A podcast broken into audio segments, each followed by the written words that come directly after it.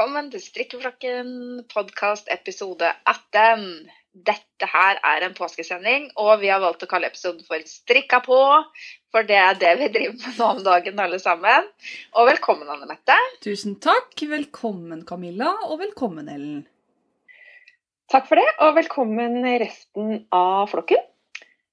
Det er litt sånn rart å si eh, velkommen eh, til dere, fordi jeg sitter her helt alene i vårt faste studio. Helt ensom, bare med en liten katt. Ja. Um, men det er jo fordi at i disse tider så kan vi jo ikke møtes.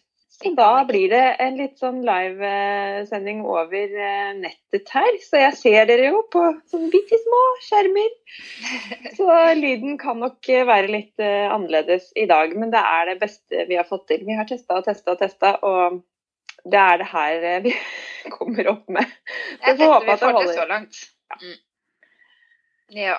Ja. Det som var greia, var at vi satt jo sammen forrige gang. Det var akkurat i brytningspunktet. Eh, rett før den store nasjonale dugnaden satte inn eh, støtet med avstand og fullt fokus på å vaske hender. Eh, og da satt jo vi faktisk, og jeg hosta litt. Jeg vet ikke om dere husker det? Det, det husker vi nå, ja. Det gikk fint, den hosten også, men vi tenkte at nå, nå kjører vi hver for oss og, og tar del av den avstandsbevegelsen som finnes her. Ja. Eller ja, det er Det skal sies at vi tok inn opp på mandagen, selv om vi ga det ut på onsdagen. onsdag. Så det var litt eh, lenger unna, for de stengte jo ned Norge på den torsdagen. Ja. Men jeg Det endra seg jo fra dag til dag. Ja. Vi hadde jo ikke peiling hva vi gikk til. Nei, men Nei. dere titta jo litt rart på meg når ikke jeg ville klemme dere på den mandagen. Ja. Du var litt forut for din tid. Jeg var forut for min tid, det kan jeg takke mamma for. Så vi hadde jo hatt sånn bursdag på den søndagen, og da var det ingen klemmer på noen, og alle holder litt avstand, så hun var litt eh, forut for sin tid her. For verden har Ja. endra seg ganske radikalt siden den mandagen når vi spilte inn forrige podkast. Mm.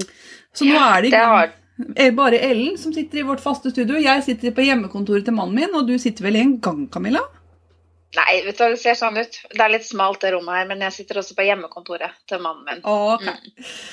Som er en del av eh, stua i annen etasje. For her var det liksom best med, med utstyr, så da kjørte vi på den. Mm. Men uh, jeg kjenner jo på den situasjonen skal på en måte Det er nok Skal vi si Det er mye prat om korona og, og sykdom og, og alt sånt der, så vi skal prøve å ta litt fri fra det. Men samtidig så tenker jeg at vi kan ta det opp litt med tanke på eh, den situasjonen som mange av oss befinner oss i nå ute i verden. Host, ost. Den vil, fin. Det vil nok prege sendinga vår i forhold til at de fleste sakene som fins på nettet nå, det er jo der vi henter vår inspirasjon. Det har med Ja, det er akkurat det. covid-19 å gjøre, og vi vil nok eh, touche borti det, men det er ikke det som er hovedtema for sendinga. For dette er en påskesending. I fjor så tok vi for, for oss alle de uhyggelige tingene som hadde skjedd med strikkeutstyr. Det var veldig lite. Så det har vi gått bort fra i år. Ja, vi har gått litt ut fra det. Ja. Ja. Men vi har en fullpakka sending, og vi skal starte litt med å snakke om de godene man kan få, det man kan lene seg på når det gjelder strikking. Eh, med tanke på eh, overskriften her som heter 'strikking som terapi'. Da. Og det kan jo på en måte være litt dagsaktuelt uansett, pga. sånn som vi har det nå. Det, er, det blir jo mye strikketid. Jeg er jo permittert fra den ene jobben min. Mm. Eh, sånn at det, Man må jo fylle dagene, da. Og jeg, jeg kjenner jo på det at jeg har jo valgt riktig hobby. Altså, Ja, ikke sant? Vi var jo ja, forberedt på dette her. vi, altså, vi er, Det er det her vi har trent for. Ja. Så vi er eh, Jeg ser på mannen min som sitter her og bare «Mm. Ja. Eh, nei, du skulle valgt strikking, skjønner du, fordi at jeg har garn. Ja, Ja, sutter'n! Alle som har vært engasjert i alt mulig, sånn idretter og alt, det er jo på en måte på vent. Ja, så vi som har sånne ensomme hobbyer Jeg antar at både sånn å lage sånn flue, fluer til uh, fiskestanga, det er fint nå, vet du. Og hekling og alle sånne litt ensomme, rare hobbyer. Nydelig. Kortlaging, Mm. Ja. alt dette her. Men vi ja, har jo ja, sånn. ja, alt dette funker som fjell. Men uh, jeg tror nettbutikkene opplever en litt av økning. Det tror jeg også. det det er naturlig. Jeg var i en eh, strikkebutikk eh, rett før eh, ting begynte å stenge, og da begynte folk allerede å holde litt avstand og sånn, men det var det merker jo det at det er mindre folk ute i butikkene generelt. Og det gjelder jo sikkert strikkebutikkene også. Men du Ja, jeg jobber jo i en strikkebutikk, og det er Vi har åpent som vanlig. Litt grann redusert åpningstid. Det er det eneste. Men eh, folk kommer, altså. Men det vi merker, er at eh, folk kommer ikke for å gå og titte eh, og kjøpe det ene neste de mangler. De kommer, og så skal de ha prosjekter. Ja. Eh, sånn at, og jeg syns jo at i hvert fall de aller fleste er flinke til å holde avstand og, Ja, men det og ta bra. hensyn til hverandre, da. Så Strikkefolket er hensynsfulle. Ja. mm, mm. Men fra Men det her med Camillas god, eh, hoste-host og over til strikking som terapi, eller? Ja, jeg tenker vi begynner litt å snakke om det. For det, det kan jo være mange som sitter hjemme nå og kjenner litt på stress, kjenner litt på depresjon, og uten å nødvendigvis at det er så veldig veldig tungt eller veldig veldig sterkt, så er det jo noe eh, forskning som er gjort på dette her med strikking, eh, og med tanke på sånne psykiske vansker. da. Eh, og bl.a. en forskningsrapport som heter 'Knitting of Wellbeing'. Eh, der er det 1000, 3000 stykker, 3000 strikkere fra 31 land. Eh, hvor det da ble dokumentert at 87% av deprimerte følte seg en markant bedring. Da. De ble mye gladere, fikk mye mer livsgnisten tilbake igjen eh, ved å strikke. Da. Er det her noe dere kjenner igjen, eh, jenter? Absolutt. Ja, altså jeg, jeg kan jo ikke akkurat si at jeg har vært så veldig deprimert, men jeg merker jo at jeg våkner om morgenen og spør Å, nå skal jeg ned og strikke! Ja. ja. Så det er jo Man blir jo glad av det. Jeg, Ja. ja, jeg blir i godt humør. Jeg syns det er eh, ja, lystbetont. Ja, jeg heller kan ikke Mhm. si at jeg noen gang har hatt depresjon eller sliter med tungsinn eller liksom er tung. Det er jeg absolutt ikke. Men jeg kan ha den barnslige gleden som jeg ikke finner i så veldig mye annet enn planter og strikking. Den der, Nå gleder jeg meg til å stå opp, for nå er det et eller annet som jeg skal gjøre som jeg bare gleder meg så innmari til. Og jeg må bare ta fem omganger til før jeg går og legger meg, og så tar jeg fem omganger til, og så går jo ikke det, for jeg må ta ti omganger til, og så får jeg jo ikke Så dette Det resulterer i lite søvn, da. Det er kanskje ulempen. At, som igjen kan føre til depresjon. Men det sier ikke den her det. Ja, strikka på, sier vi. Men eh, den rapporten her sier ikke noe om det, da. Sånn at den har vel tatt ut det som en variabel, da. Eller uansett har vi funnet ut at man blir gladere av det. Uansett utgangspunkt. Nå er dere sikkert på midten av skalaen ikke er helt ned på, på bånn på depresjon, men uansett så får man et løft, da. Uansett hvor man er. Ja. På, Ja, og det er ja. nydelig å kunne gå fra sju til åtte, liksom. Det er topp, det. Ja, Ja, ja, det ja, er jo fint. Det tenker jeg absolutt. Videre, da, eh, så er det det med tanke på stress. Økt stress, vet du. Det er ikke noe bra verken for immunforsvar eller noe som helst. Sånn at eh, økt stress òg fører til smerter. Kan føre til økt smerte hvis man sliter med smerter. Men det er en eh, skal vi se, Milano Bocca-universitetet har en studio eh, som, eh, som påviser at hjernen vår rett og slett forvirres av håndbevegelsene som vi gjør når vi strikker. At hendene krysser hverandre over kroppen som Jeg skjønner liksom ikke det er. Jeg sitter og leser det. Det, det gjør ikke mine, altså, når Nei, jeg sitter og strikker. Jeg, når jeg sjekka ut de greiene her, så tenkte jeg hvordan strikker disse menneskene? Ja, det lurer jeg på. Hvordan krysser de? De må jo kaste noe tråd, dem. Liksom, fjong, fjong. Ja, men kanskje det ja, For det gjør de jo De i England. Altså, ja. de- International knitting, vet det. du. De, så det er de som blir friske av dette. Vi nordmenn som strikker mer sånn eh, stille og rolig, vi blir kanskje ikke det. Vi blir ikke Men det her er jo med tanke på den, den Milano og Bocca-universitetsstudiet. Det her er jo gjort spesielt på stresshåndtering, ikke på det her med, med depresjon og sånn. Men jeg tenker jo uansett, da. Det med mindfulness, det å være konsentrert på en ting, og bare ta én en maske av gangen og på en måte ha full fokus der, flytte fokus, det tror jeg uansett er bra, ja, med tanke på stresshåndtering. At man liksom lander litt på det. Jeg kjenner i hvert fall det sjøl. Som Ja. gammel førskolelærerstudent så var jo vi veldig opptatt av øye-hånd-koordinasjon. Mm. Og når du strikker, så gjør du jo ikke annet egentlig enn å ha øye-hånd-koordinasjon hele tiden. Eh, Du må jo sjekke hva du gjør, og du må ha kontroll på det du gjør, og du skal ha en plan. Men eh, den Knitting and Well-being, den med de 3000 folka fra 31 land, de Ja, mener jo at eh, De fant jo at 88% av de som hadde smerter, at strikking Mm. gjorde det lettere å håndtere smertene. Ja, Det tenker jeg dreier seg om litt at man må skifte fokus.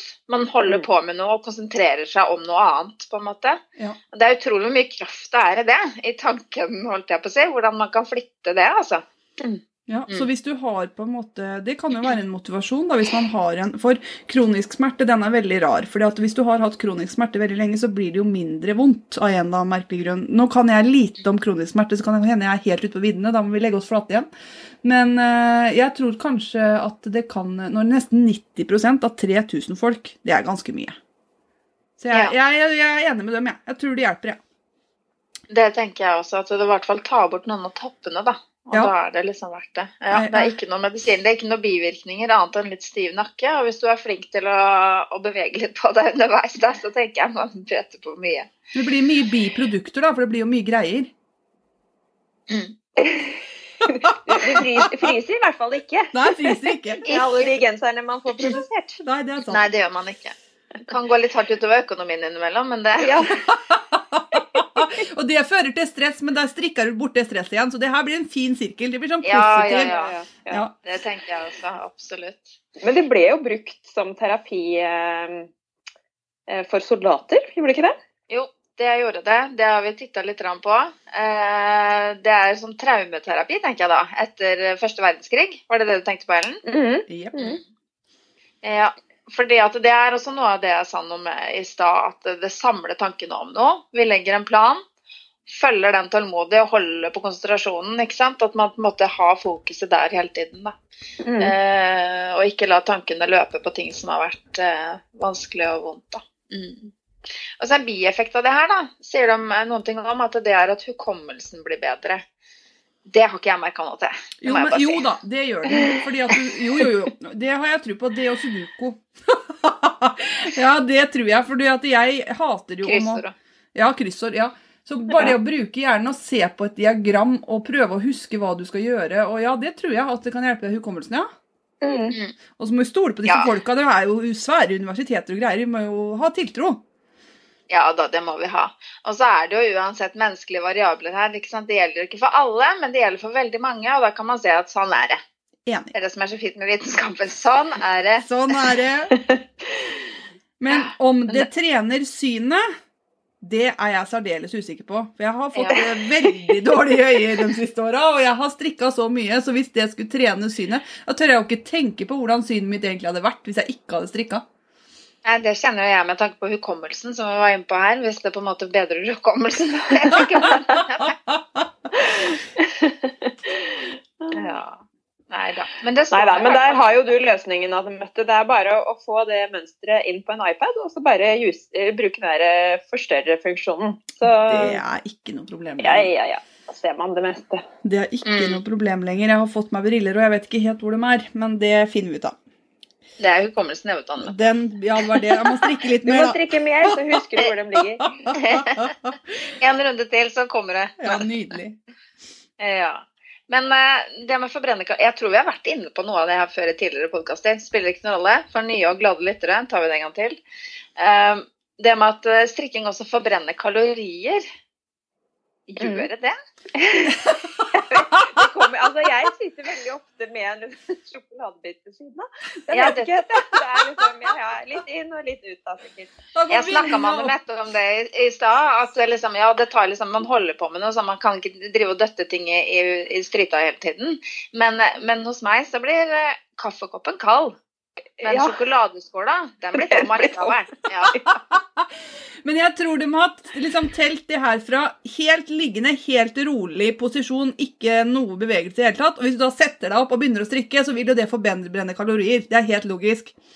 Ja, ja. Så jeg tror det er sånn de måler det. Fra typ null aktivitet og til sittende med hendene i bevegelse, da.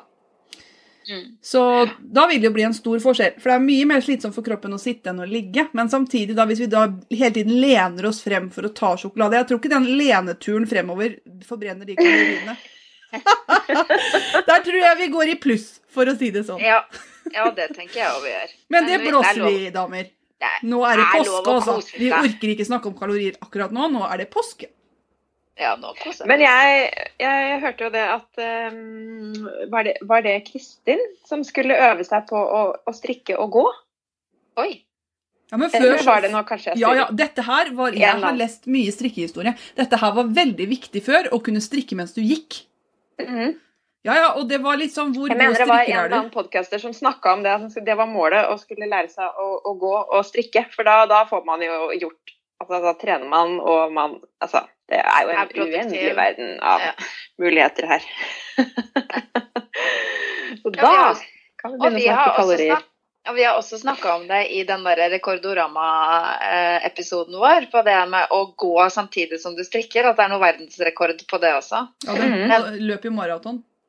Ja, Mm. ikke sant? Jeg Mm. tenker eh, nei til det, ja til dotteskål. ja, men jeg tror ikke det jeg, jeg tenker på at strikkinga mi, da sitter jeg, altså. Fordi at når jeg går, da har jeg gjerne noe annet jeg skal gjøre. Og da, Ja. nei, da vil jeg være i fred. Da kjenner jeg Ja. at det er ikke mål for meg. Ok, så oppsummert da. Du blir gladere, du blir mindre stressa. Det kan brukes til traumebehandling. Eh, du kan bruke det for å få bedre hukommelse. Eh, bedre syn? Spørsmålstegn, spørsmålstegn. Er veldig usikkerhet på det. Ja. Så det er jo i grunnen bra for veldig mye, da. Og håndtere er det. smerte, da. Ja, smertehåndtering. Ja, absolutt. 88 det er jo mer enn det den som blir glad. Så det er 1 mer, da. Opptatt Ja. av tallene, jeg, vet du. Ja. Nei, men det er herlig. Da kan vi si strikka på. Ja, det er derfor jeg tenker strikka på i disse tider, da, som er meget spesielle. Vi har jo aldri opplevd noe lignende, vi, som, vi tre i hvert fall. Så de som har strikking som eh, hobby, har i hvert fall en mulighet nå. Veldig mange, Det er jo veldig mange som jobber veldig mye også, men det er veldig mange som er mer hjemme da, enn det man pleier. Eh, og da kan man jo kjøre på med å strikke. Skru av nyhetene, sett på en god lydbok, lag deg en kopp med noe godt å drikke og strikke litt istedenfor. Ta deg et friminutt. Mm. Ja, det er jeg så klar for. Mm, mm. Men vi har jo ikke hatt friminutt, vi, Ellen, siden januar. Å nei, absolutt ikke.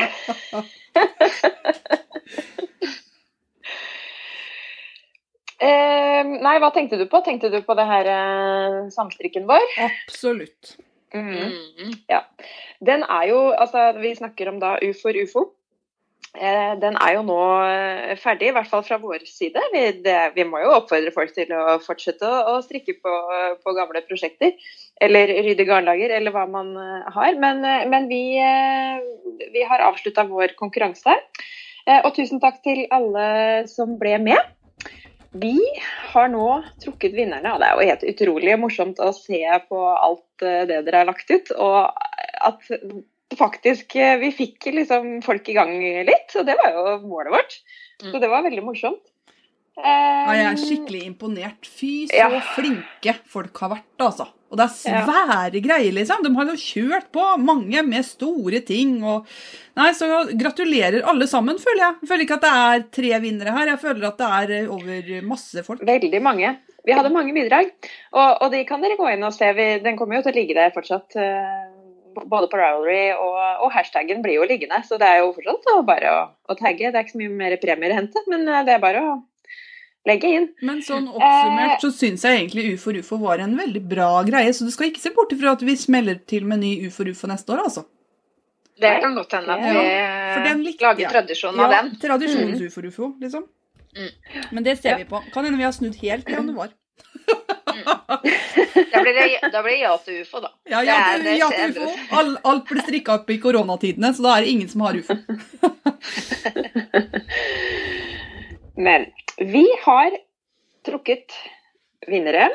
Eh, og førstepremien, som da er eh, en eh, maskemarkørpose, eller sånn liten mappe, eh, og markører fra Anita Wangen.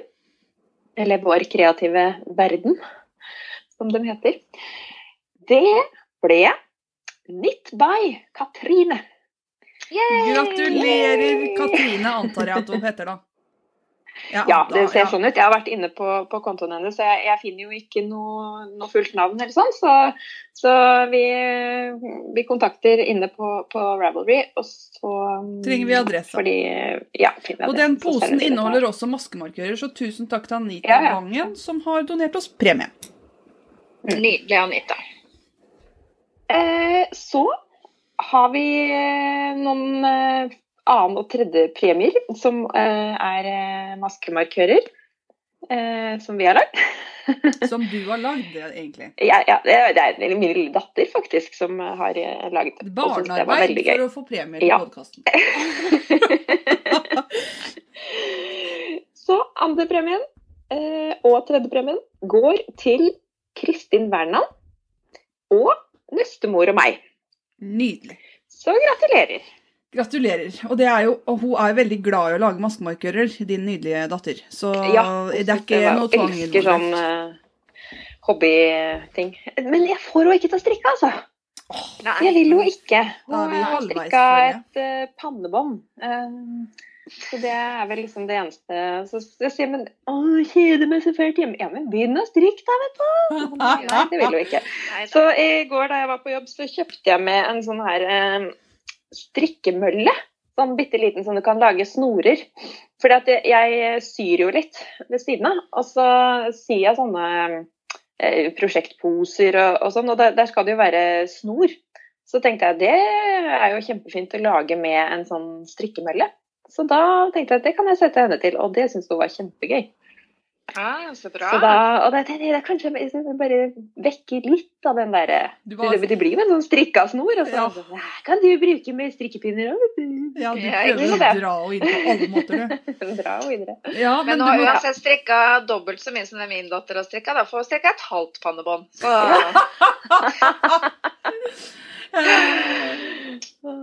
Men mine gutter er har ikke noen eh, strikkere, altså. Det, er, det tar for lang tid, og så blir det hull, og så blir den ikke helt ja. Nei, så vi får, men han er veldig god på å, å designe mønster, han da.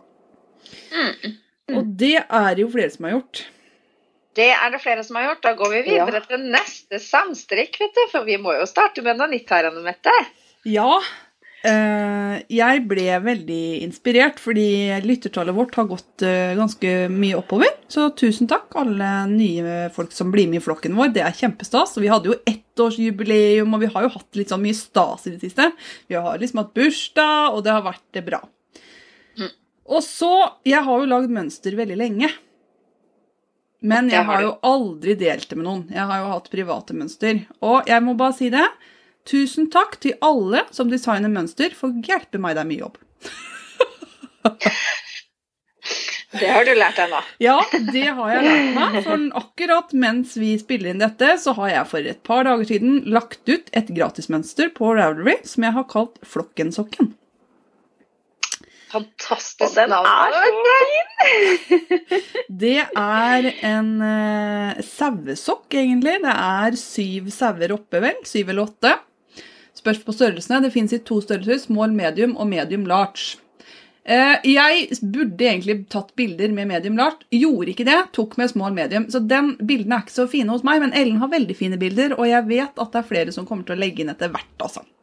Men sånn ble det. Eh, Det var den jeg hadde tilgjengelig når jeg tok bilder. Eh, Spørsmål om mønsteret kan sendes på mail. Det ligger som sagt som på Ravelry. Kan bare fl- Du kan bare søke opp Flokkensokken. Eller min Jeg har faktisk blitt sånn Ravelry Pro-prosjekt. Oh. Jeg har egen store, som da er en butikk. Ja, det er nesten flaut, vet du. Men eh, det er i hvert fall en sokk som du kan velge to eller tre farger til, som har en stor sau nede på foten, som heter Ulle. Han gjør jo det. Det- Ja, og jeg tror, Ja, det, er en, jeg tror det er en hannsau. Hvis du smeller på noe annet, så kan du bli en hundsau. Det blir Ulla. Ja, så jeg har vært kjempeheldig. Jeg har fått eh, Jeg måtte ringe Janne Wie. Aldri snakka med Janne Wie før, jeg. Janne Wie driver uh, Hansgarden eh, Kornstad Strikk på landet-podkast sammen med Merete. Eh, det som blir litt skummelt, det er når vi har sånne youtubere, og de hører på oss, og vi hører på dem. Eh, vi, man tror man kjenner de menneskene, så da bare plutselig ringer man.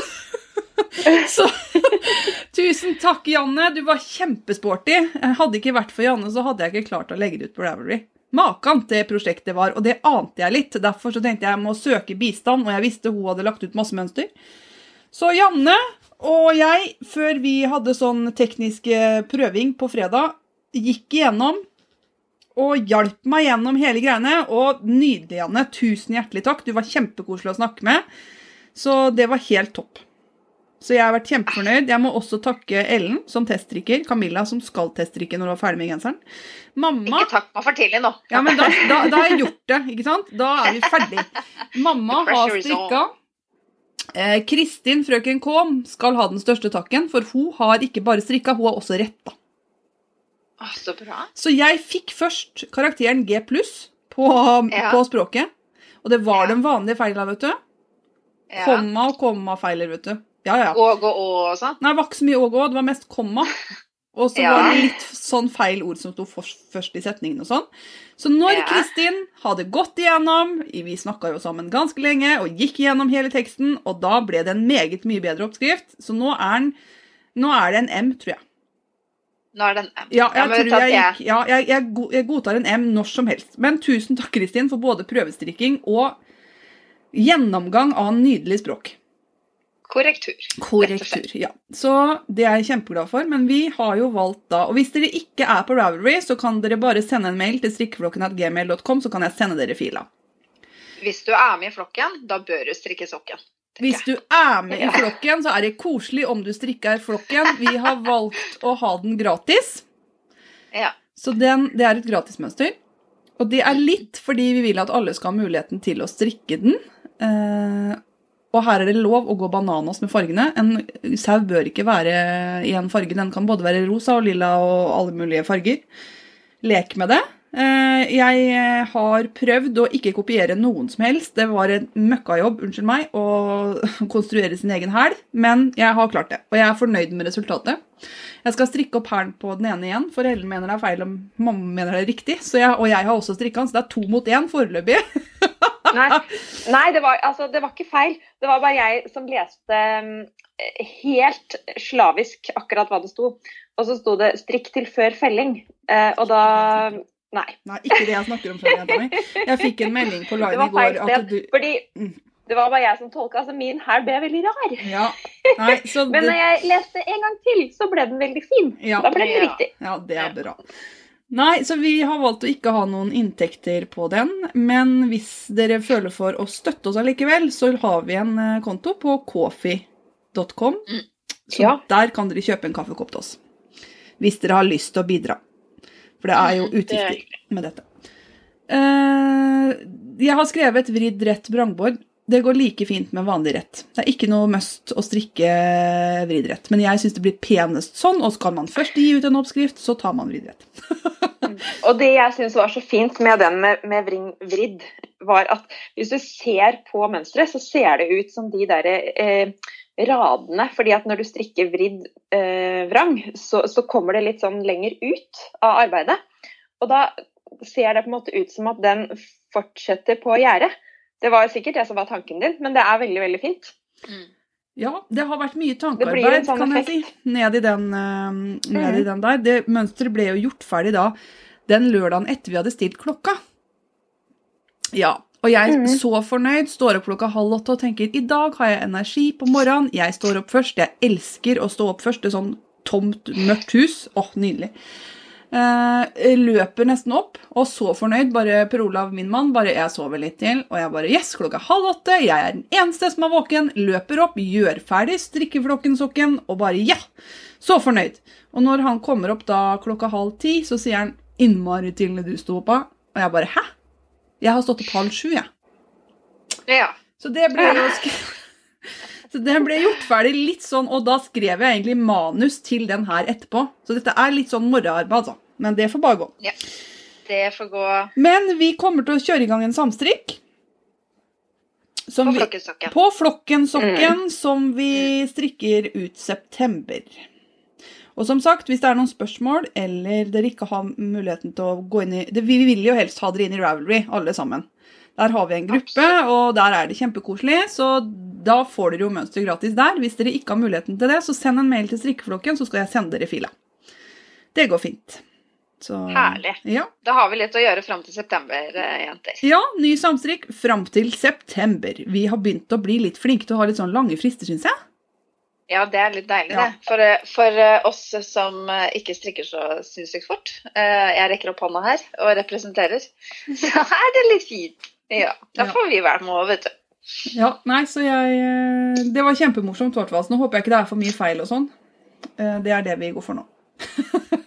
Det går vi for. Absolutt. Ja. Yes, så sleng dere på flokken sokken. Alle som er en som har lyst til å være med på det.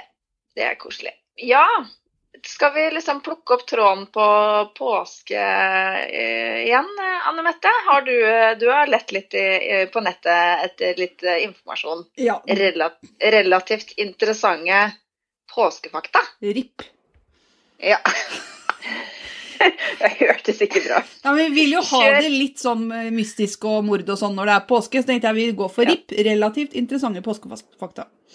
ja. I Kjør år ritt. Skal vi ta for oss påskeharen. For jeg, det slo meg, hvor kommer påskeharen fra? Det må jo ha en opp øh, Det må jo komme fra et eller annet sted. Og den første, første skriftlige beskrivelsen du, dukket opp i verket De Ovis eh, Pascabilibus. Dette var kjempedårlig, sikkert. Det Georg tror jeg Frank er eh, latin. Ja, men jeg kan jo ikke latin. Han het. Nei, Georg. Frank, og han var medisin- og sykdomsprofessor. Medisin- og sykdomsprofessor. Han var sikkert da medisiner, han da. For det er jo liksom Ja. samme, liksom. Ja. Og i mars 1682 så gir han ut det verket her, og hovedsynspunktet i den boka var at han var bekymret for den dårlige effekten av overdreven eggspising hadde for helsa. Og det er jo rett i tråd, ikke sant? Han er medisiner, han ser at det å innta så mye egg, det er ikke bra. Så det, dette er en bok i hans eh, Og inni der så skriver han om eh, påskeharen. Det er første gang skriftlig påskeharen dukker opp. 1682. Det er noen Wow. hundre år siden, det. Oi. Ja, ja. Begynner å dra på åra, påskeharen da. Påskeharen er kjempegammel. Koblingen eh, mellom påskehare og overdrevet eggspising det er fortsatt et mysterium og høyst uklart. Men her er en del av hypotesene. Det var så mange hypoteser, for alt er hypoteser. Ingen vet hvor denne påskeharen har kommet fra. Ok. Hypotese 1. Det etymu... etymu å, kan ikke du hjelpe meg, Camilla? Etym... Etymologiske. Yes, takk. Opphavet til ordet oster eller easter, som er tysk og engelsk for påske. Det henspiller igjen på den angelsaiske gudinnen Oestra og Eostre. Hun var en vårgudinne som ble symbolisert med harer og egg. Så der er haren, ikke sant? Ja. Symbolene Det er vårgudinne. Vårgudinne, harer og egg. Det var liksom nydelig. Det, der er haren inne.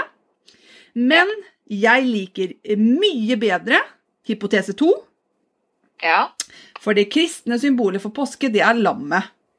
Mhm. Myten om påskeharen kan ha oppstått av et dårlig tegna lam.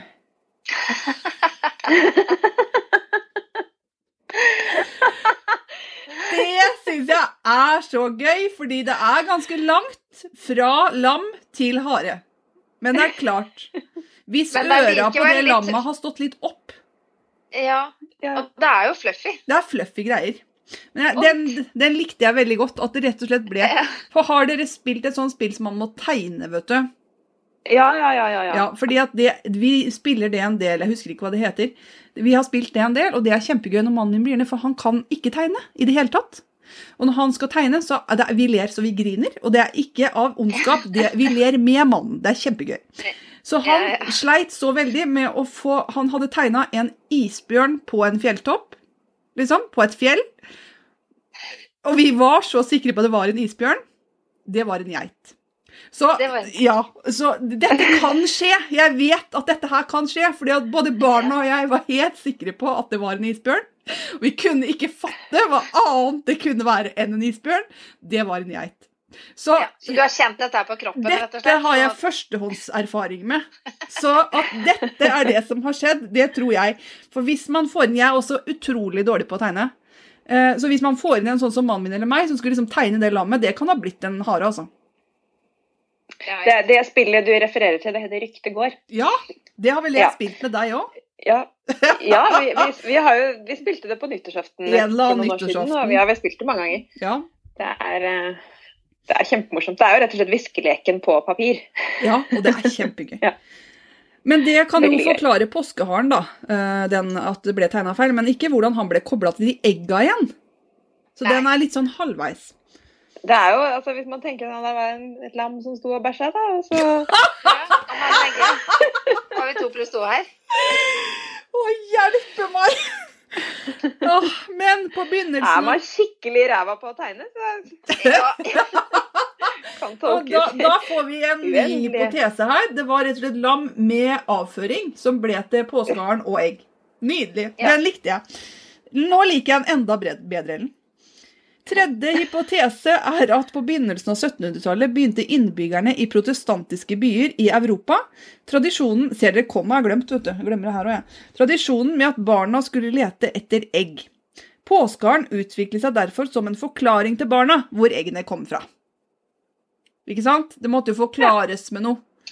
Mm. Og da valgte de denne påskeharen, da. At det var han som hadde fiksa egga. Og lagt dem rundt omkring. I liksom. lagt dem rundt omkring. Og han kom jo hele tiden og er jo mange hundre år gammel. Så det, han har Ja, sikkert da. dreven på dette, han.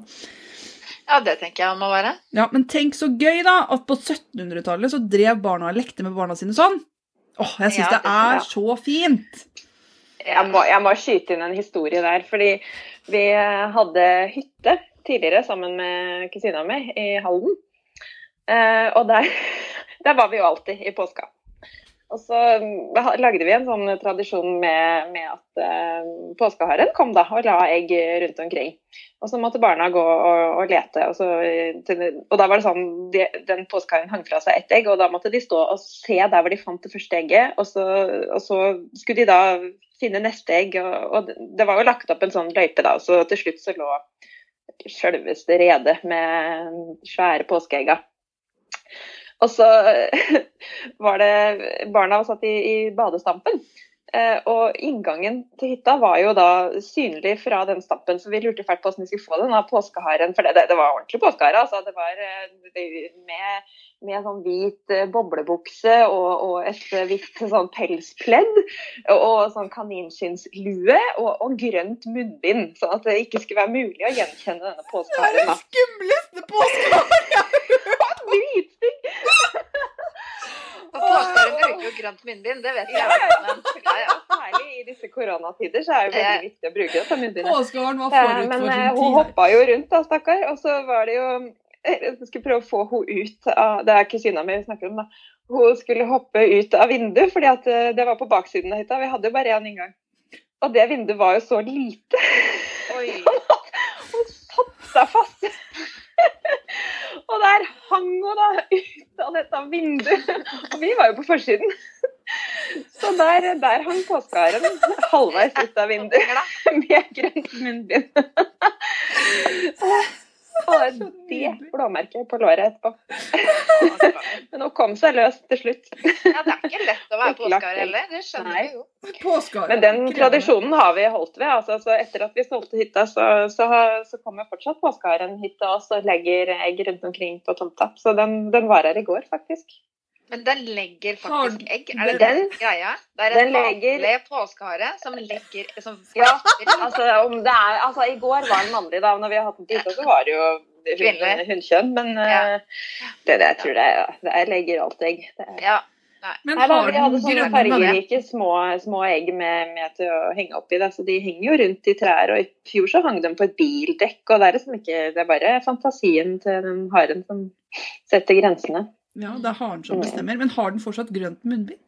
Nei, det, altså vi så han ikke, da. Jeg tror Nei. han hoppa litt fort i går. Eller litt sent? Ja, ja kanskje. Det er så nydelig. Men jeg òg har drevet og hatt sånne løyper og Jeg pleier egentlig å lage en rebus, jeg. Så du må løpe rundt og finne klus, og, eller hva heter klus på norsk? Ledetråder. Som Ja. fører deg videre, da. Og til slutt så ender du opp med et egg som det står navnet ditt på, for jeg har jo to barn. Og de har forskjellig godterismak, ikke sant. Så dette må jo pers personifiseres. Det har du fortalt til påskeharen, hvem av dem liker. liksom, Ja, ja, dette det- er påskeharen er fullstendig informert, og han er innmari flink til å gjemmer gjemme nesten alltid en lapp inni vaskemaskinen eller tørketrommelen. Det er Ja, nesten ja, hvert er år. Og postkassa er veldig, veldig ofte involvert. Så vi har noen sånne Det er nesten som den går samme løypa mer eller mindre hvert år. Men jeg har samme huset, det er jo ikke så, også, så mye greier her. Stekeovnen nå pleier å være involvert. Kanskje jeg skal prøve tåstjerne i år? Prøve litt nytt. Mener du med du skal prøve? Jeg skal bare informere påskeharen om at vi har et toast, eh, toastjern. Er Ikke sant? Gjerne et lite tips. Litt av tips. Altså, vi òg har jo sånne leker med barna i påska. Mm. Så det liker jeg at det begynte på 1700-tallet. Vi har drevet med dette i 300 år. Liksom. Ja, det er helt Ja, nydelig. ja, jeg liker det, for jeg er jo protestantisk her òg, er vi ikke det? Protestantisk i kirken? Jo, jo. Jo, Det Det er fint. Så det liker jeg. Men så er det også en fjerde myte. Noen tidlig, for de har drevet og malt på påskeegg, da, for det har jo igjen spilt på hun der gudinna Angel, Ja, gudinne er nydelig å være gudinne, da. Angelsaiske Ja. gudinna Oestre. O, Ostara. E, Eostra. Eh, hun hadde jo harer og sånn mm, egg ved føttene sine. Så de har dekorert påskeegg i mange år, og da har et av motivene som har gått igjen, det er tre harer som er tegna slik at ørene henger sammen som symbol på den hellige treenighet. Da har de jo dratt haren inn i kristendommen ja. ved å samle øra, rett og slett. Så det kan også være en eh, løsning på den påskeharen, da. For da peker vi tilbake på den første. Så den som har liksom to myter, det er hun påskegudinna, eller vårgudinna. Hun er med på to av dem. Hun er med. Ja. Så, men jeg liker best at uh, den feiltegna lammet. Den liker jeg Ja. absolutt best, i hvert fall når Ellen forklarte egga, og da ble jo alt gikk jo i pluss. i hjernen min.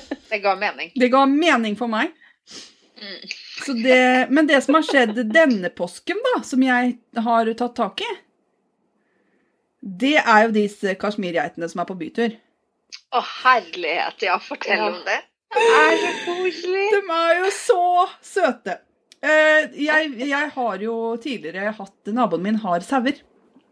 Eh, og de elska å bare løpe av gårde. To sauer. Sauer blir ganske store når de har blitt voksne, egentlig.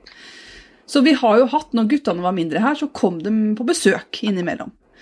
Og en eh, i rundt påsketider da, ett år, så kom det to sauer på besøk, og det var kjempestas helt til han begynte å spise opp tulipanene mine. Da var det ikke like stas. Da fikk jeg dem hjem, for å si det sånn.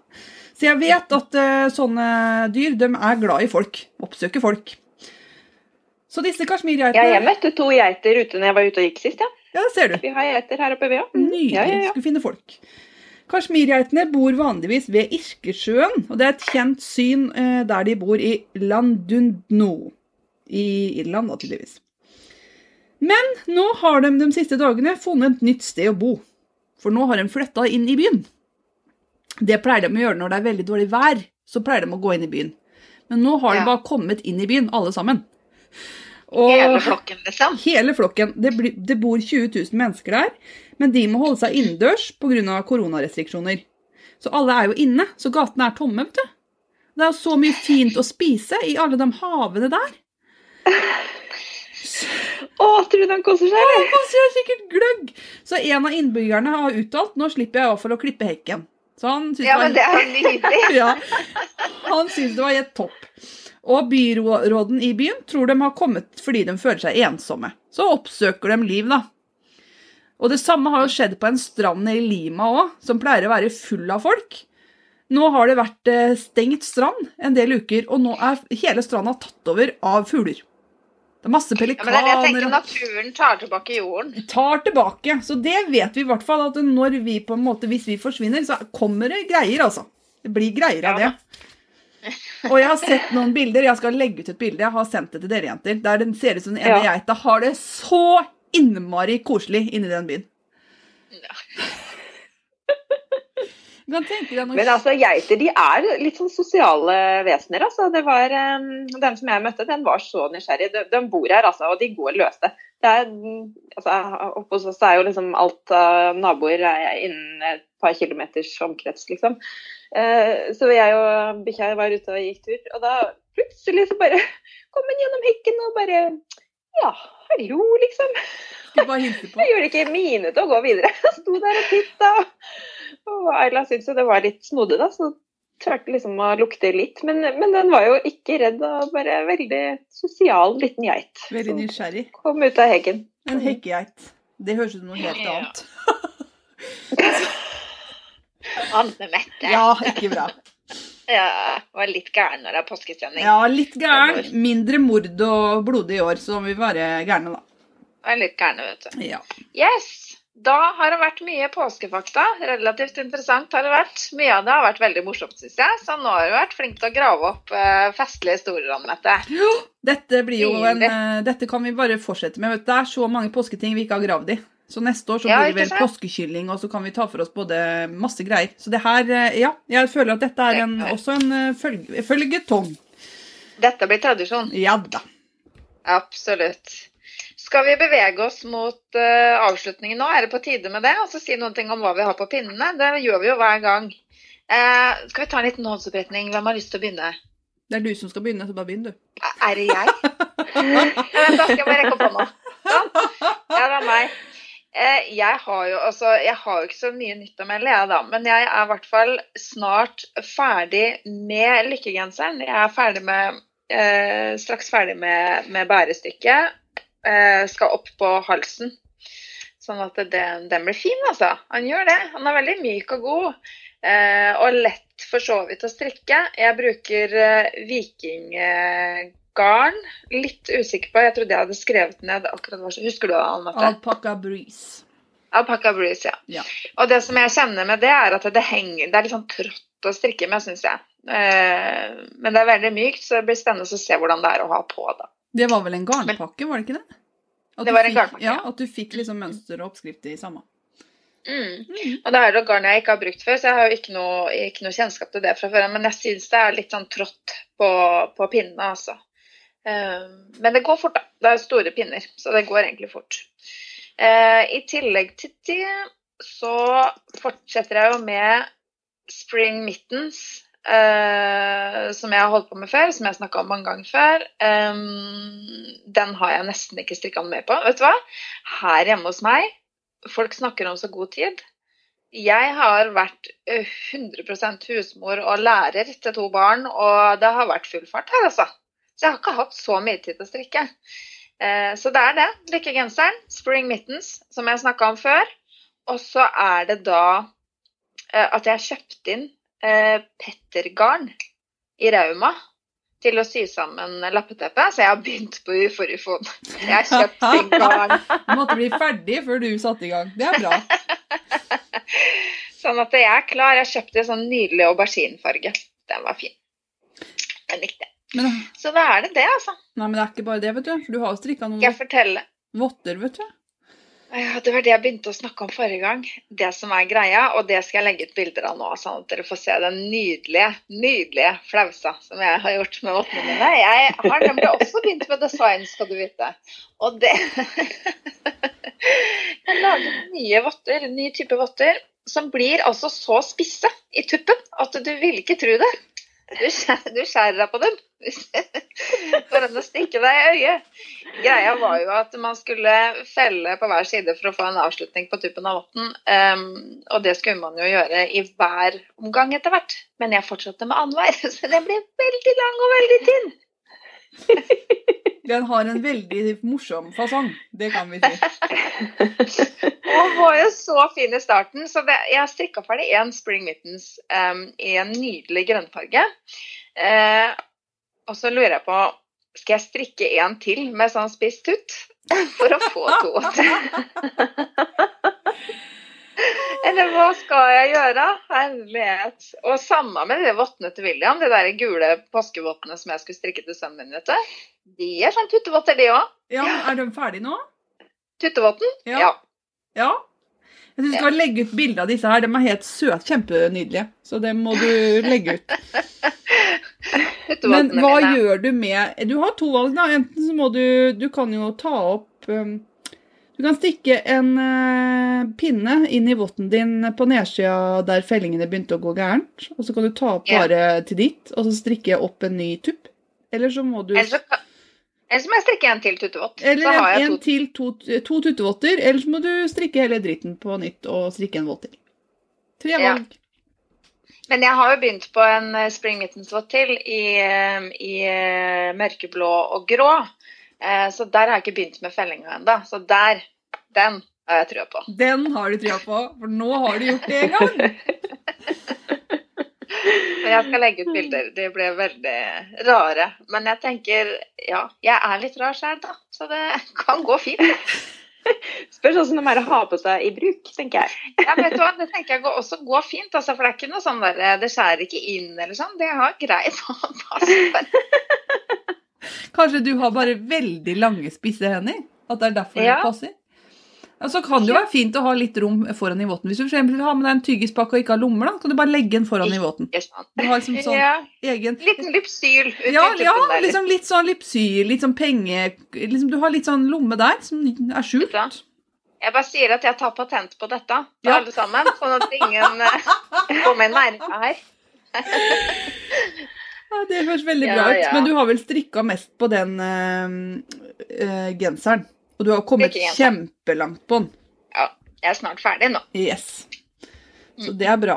Hva Skal du gå over på UFO-ufoen din når du er ferdig å strikke det, eller og sy sammen siden du har kjøpt inn Nei, garn? da, da skal jeg gjøre litt det når jeg er hjemme, og så skal jeg strikke flokkensokken. Å, det gleder jeg meg til. Så mm. veldig. For du har jo aldri strikka en sokk, nesten. Det har jeg ikke. Så det blir ja. spennende på resultatet der, da. Om det blir tuttesokk, eller om det blir Å, det er så Nei, jeg gleder meg veldig til det. Så det Ja, må det du gjøre. nestemann. Ja, jeg kan jo også egentlig henge meg på i den rekka med mm, litt sånn underlige fellinger. Fordi jeg, jeg var jo Det er egentlig en stund siden jeg var ferdig med Cumulus. Ja. Ja, Ja. den eh, fra Petit Nit. Eh, og den var jeg egentlig altså den var eh, fornøyd med den, men jeg syns liksom han, han sto litt sånn rart ut nede. Eh, ble liksom en sånn Vipp. spiss foran. Ja, altså vippa litt, ja. Eh, og så har jeg sett på andre, og den er jo ikke sånn. Og så jeg, hva er det jeg har gjort for noe? Og så snakka jeg litt med, med kollegaene mine, da, og så sier hun ja, men eh, hvordan gjorde du med fellingene nede? Nei, så jeg har jo ikke felt nede, for det, det skal du jo ikke gjøre. Jo, det skal du. så tenkte jeg ja, ja, jeg har vel oversett et eller annet, da. og så gikk jeg tilbake i oppskriften, og der eh, Det som har skjedd, tror jeg, er at da jeg kjøpte oppskriften, eh, så har jeg skrevet ut den i papirform. Og så, etter det, så har det kommet en ny versjon. Fordi at hun har utvida mønsteret sitt i forskjellige størrelser. Sånn at nå er den opp til 2XL, eller jeg vet ikke, at det er i hvert fall større enn det førsteutgaven var. Mm. Og der har det blitt en endring. Eh, på den her, eh, Så jeg har nok bare liksom lest på, på papirutgaven, og så har jeg kanskje ikke hatt den tilgjengelig da jeg skulle begynne på iCord. Sånn at I det ene mønsteret så er fellingen eh, skrevet opp i selve boligavdelingen. Ja. Eh, og i det nye mønsteret så er eh, fellingen tatt med i iCord-kanten. Og det, jeg, jeg hadde jo aldri strikka iCord, Åh. så jeg satt jo da med eh, videoen hennes og strikka i-cord. Jeg har ikke sett på, på mønsteret. Sånn at i den prosessen så har jeg missa fellingsrunden, rett og slett. Fordi at jeg satt med to forskjellige utgaver av mønsteret. For du får, jo, du får jo tilsendt det når du har kjøpt den, så får du jo Nå har det kommet en oppdatert, og så får du den på mail. Og så har jeg bare gått inn i mailen min og så har jeg søkt på Cumulus, for at jeg sikkert satt et eller annet sted enn der hvor oppskriften lå. Og så så da måtte jeg ta opp den. Og jeg var jo litt spent, for den er jo strikka i sånn mohair, og det er jo ikke bare bare å rekke opp det. Men eh, jeg strikka meg bakover. Så fikk jeg faktisk eh, tatt opp. For jeg hadde ikke nok garn til å strikke en ny i-kort, for det går ganske mye garn til en i-kort-felling, en runde. Så, så nå ble den så meget bedre. Så bra. Lønner seg å følge mønsteret innimellom, ja. Det gjør det. Så. Men ellers så er jeg jo ferdig med en ting, da. Ja. Ja, da ble jeg så stolt. jo-. Da følte jeg litt sånn Ja, du- Ja. Du frykta det verste når jeg begynte på Valdres, så tenkte du nei, nå blir det ny Anna. Ja, jeg var ganske sikker, fordi at motivasjonen for å gjøre ferdig Valdres var at du skulle strikke den Stockholm Slipover, og den hadde du jo plutselig kjøpt annet garn til og bare var helt, eh, ja, helt i slipover-land. Så tenkte jeg dette gikk helt det. rett vest, tenkte jeg da. Jeg hadde jo kjøpt altså til den Valdres-kofta, den er jo egentlig en sånn lang modell. I hvert fall det mønsteret som jeg har, som er fra Sandnes. Eh, og så etter at jeg hadde kjøpt garnet, så bestemte jeg meg for å strikke en eh, kort modell isteden. For jeg, jeg syns at eh, jeg har så mange sånne lange jakker. Så da fant jeg ut at ok, her blir det noen nøster til overs. Men så var jeg ikke helt sikker på hvor mange nøster det kom til å bli til overs. Eh, så derfor måtte jeg jo skynde meg å strikke ferdig, da. Og det gikk jo unna, da, i disse tider når man har så mye strikketid. Så det som tok tid, var den der eh, nederst, for den er jo da vridd rett og vrang, som jeg da strikka frem og tilbake. Ja, det Og så ble det litt sånn, ja. Og Jeg strikka den i lanett, eh, og det er jo da anbefalt å pinne tre. Jeg er ikke sånn jeg, jeg, er liker ikke sånn kjempetykke pinner, men jeg er ikke noe sånn veldig fan av å strikke en hel kofte på pinne tre. Altså, jeg syns det går smått. Mm. Trodde to, eh, og en halv? Men det er kanskje Nei, to og en halv, tre. Ja. Mm. Mm. Jeg, jeg, jeg strikka vrangbånd på tre, og jeg også, for jeg syns at to og en halv ble litt kompakt. ja. Men det gjør jeg veldig ofte. At jeg ikke Ja, og, så, og pluss når du strikker da vridd og vrang, Ja, så, så den blir den også litt tightere. Ja. Mm. Men, men hva tenkte du, Anne Mette? Hva gjør du veldig ofte? At du bruker den samme pinnen både på vrangborden og genseren Ja, når jeg strikker vridd rett, fordi den blir tightere med vridd rett. Du får ikke den el- el- elastikken i det. Av en Ja, eller annen grunn så føler jeg det liksom, er strammere uttrykk, da. Og du merker Ja. det i den at den er ikke så stretchy. Nei. Så, Mm. men, og så er det litt latskap noen ganger òg. Ja, jeg òg kjenner på Ja. den. Treffer meg. Ja. ja. Så det er ikke bare av praktiske grunner, men uh, veldig ofte syns jeg det blir eh, bra resultat. At du ikke får den innsvingen nede, da. Som du gjør Ja. hvis uh, vrangborden blir for uh, stram. Mm. Mm. Og den kofta di ser jo helt nydelig ut. Ja, vet du hva? Den er jeg så fornøyd med. Den ble liksom akkurat passe lengde på. For jeg har en tendens til å strikke de sånn fire-fem centimeter for lange, rett og slett. Eh, men eh, den her eh, satt greit. Jeg sa til deg i går at den skjuler bilringen, og det er liksom Som jeg sa til henne, hun har et sykkeldekk en gang, så det er ikke så mye å skjule. Men Skjuler er bilreggen, sånn- men viser rumpa. Så da er vi Nei, men den er, sånn, den er akkurat uh, såpass lang at jeg ikke føler at jeg må gå og dra inn, samtidig som man ikke blir for lang. Da. Det er, det er liksom der å finne akkurat riktig lengde på, på gensere. Jeg syns jeg kan være litt uh, tricky noen ganger. men I hvert fall når du strikker nedenfra og opp, for da blir det liksom ikke så lett å prøve underveis. men Ovenfra og ned så har du litt mer eh, kontroll. det du har Men, eh, men jeg var usikker, for jeg har ikke strikka så mye i lanett før. I hvert fall ikke i voksenplagg. Så jeg var litt usikker på, på strikkefastheten min. Så jeg begynte med ermene. Eh, og jeg fant jo da ut at jeg hadde jo en eh, mye tightere fasthet enn det det sto i mønsteret. Så, så ermene tror jeg var størrelse medium, og, og da måtte jeg opp i, i large maskeantall for å, å få få det hvitt Eh, nok. Riktig størrelse, ja. Ja. Så, så det ble helt perfekt, altså, faktisk. Så jeg brukte jo den der utregningsmetoden din hvor du ganger eh, Åssen blir det igjen? Eh, Antall masker delt på strikkefast i mønsteret ganger ni strikkefasthet, er det ikke sånn? Ganger ti? Eh, hvis du har eh, 28 masker, og du skulle hatt 26, for det var vel det du hadde, Ja. så må du først gange ut hvor mye 26 Hvis si det skulle vært 60 masker, da. Mm. Da tar du 60 delt på Vet du hva, jeg er for sliten i hodet jeg nå, Ellen. Jeg klarer Ja. ikke å Jeg har den her, for det er en Det er eh, veldig kjekt eh, eh, Hva skal man si? Et lite tips. Skal vi se. Jeg har den på notater her, skjønner du. Se her. Strikkefasthet. Masker. Antall masker. Da må du gå i mønsteret da, og se, Ja, du må se du hvilken størrelse. Ja, ja. Strikkefasthet delt nei, Masker delt på strikkefasthet ganger ny strikkefasthet. Altså for eksempel da, hvis du har eh, eh, 280 eh, delt på 28 er ganger 10. Da får du overvidden. Ja, det er sant. Ja, så bare regner du deg ut fra hvordan, eh, hvilken størrelse i, i mønsteret som kan passe med din strikkefasthet, rett og slett. Ja, Mm. det er sant. Og så, så det jeg gjorde var at jeg bare jeg strikka opp, og så justerte jeg på første runden før jeg begynte med mønsteret. Ja. Men jeg er så glad for at dette ikke ble en ny Anna. Og dette, den er så Ja. bra å ha nå, for nå har du funnet din lengde. Så Den kan du Ja. bruke som utgangspunkt i videre arbeider. Så nå har du funnet deg en lengdemal, og det bør alle ha egentlig. Alle bør ha en lengdemal. Alle er en lengdemal. Ja. Mm. Så jeg vet at 65 cm er bra lengde til meg. Jeg går gjerne for 65. Så Mm. det er bra.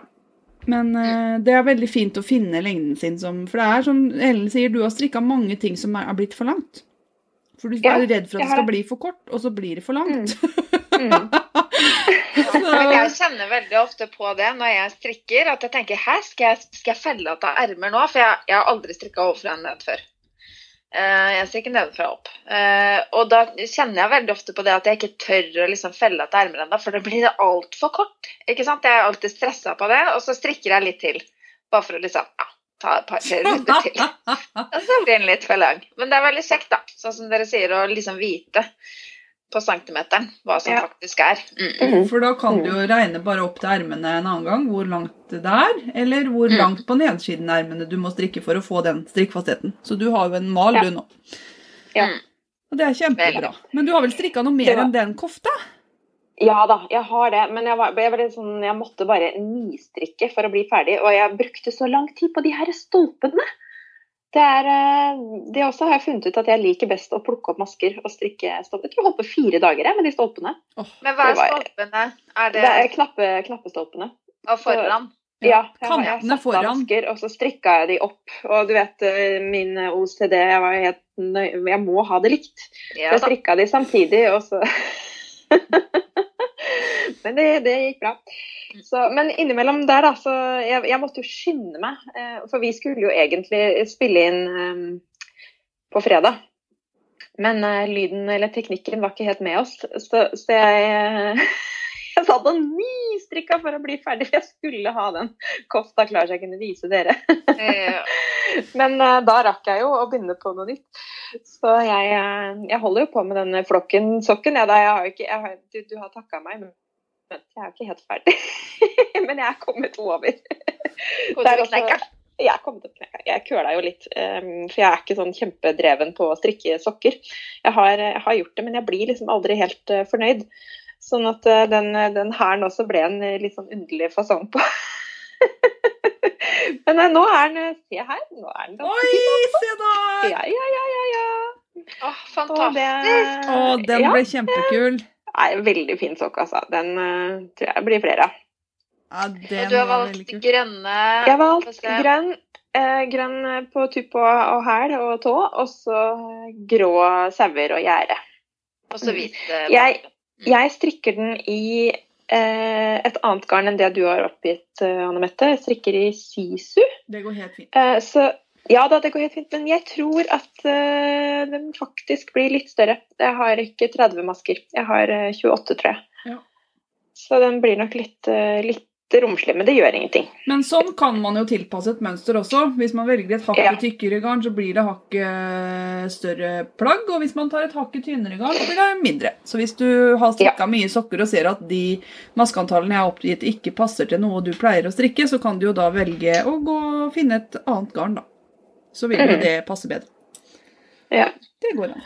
Men det er veldig kjempegøy å strikke. Og det ble jo sånn her åh, bare én runde til, bare én runde til. Og veldig, veldig artig, artig her, altså. Når jeg først eh, leste litt nøyere. Så, så ble den, ble den litt sånn rundere enn den spisse. Jeg tror det hadde liksom passa til en sånn Jeg vet ikke, jeg. Passa i Camilla sin kolleksjon. Kunne hatt en liten sånn lipsyl i, i hælen eh, hos meg òg. Ja. Stilig her. Litt av Det er jo så behagelig. Ekstra lite rom bak der. Interessant. Ja. Og så holder jeg på fortsatt Det er jo da min eh, veskestrikk, har jeg funnet ut nå. Eh, Løvli-sjalet. Eh, det sitter jeg og strikker på nå, for det er sånn veldig greit mens vi spiller inn. Så trenger jeg ikke se på. Så det er bare Ja. Og det, det er jo litt sånn at det, det, det, det vokste veldig fort i starten. Ja. Og så tar det lengre og lengre og lengre tid. ja, det er helt sant. Så, så det også tror jeg blir litt sånn eh, evighetsprosjekt for min del. Men du vet at jeg strikka ikke like stort som det sto i oppskriften? Nei, jeg vet det. Jeg har eh, skal vi se, 2, 4, 6, 8, 10, 12, 14, 16, 18, 20, 22, 24, 26, 28, 20, 30 med kontrastfargen. Hadde ikke du 32? Hadde 25, ja. Å! Da kan du gi deg nå, du. Da kan jeg gi meg nå. Ja. Jeg skal telle Er du det. sikker? Jeg skal Jeg gå og telle sa- det. Jeg skal telle det. Jeg syns du sa jeg 31. Nei, jeg er ganske sikker på det er 25. 25 kontraststriper. Ja. Det er jeg ganske Ja. sikker på. For eh, jeg syns ikke de omgangene var så veldig lange. og du, Jeg snakka med deg i går, og du sa det var veldig langt. Men det er klart hvis du er oppe i 30 omganger, du er jo langt. Det er ti riller lenger Ja, for jeg tenker at jeg skal fint få det her et par ganger rundt halsen. Ja. Så jeg tror du kan begynne kan på løvkanten nå. Da kan jeg begynne på de løva. Det Ja. gleder jeg meg veldig til. Jeg skal kontrollregne det når vi er ferdige å spille inn, og skal sende deg melding, så ikke vi gjør, går på Ja. en smell. Det tror Ja. jeg vi må gjøre. Nei da, men altså, det er jo et sjal, så om det blir eh, stort, det spiller jo ingen rolle. Ja, det Det er er det som er jo- så fint med sjal. Da kan man eh, stoppe når man vil. Men jeg ja, ja. ville nok, hvis jeg skulle gjort det igjen, så skulle jeg hatt 28 kontraststriper. For mitt er litt Ja. snuppete. Så jeg ville gått Ja. for 28.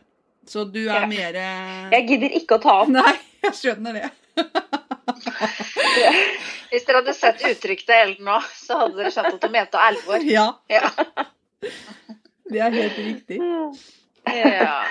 Ja, nei, altså, Jeg har én ting til på pinne, da, og det også er en sånn her den kommer til å, ja. Det er de kjære sokkene som ikke blir like. Ah, De er, ja. kaste. Det er det er vanskelig med den der strikkefastheten, syns jeg også. Dere skal få se hva jeg mener. Fordi at dere kan jo se meg. Ja. Om- ja.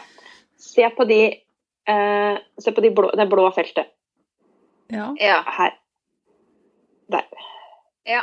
Oppi mitt uh, symmetrihode så er uh, Jeg syns det ser nydelig ut, jeg.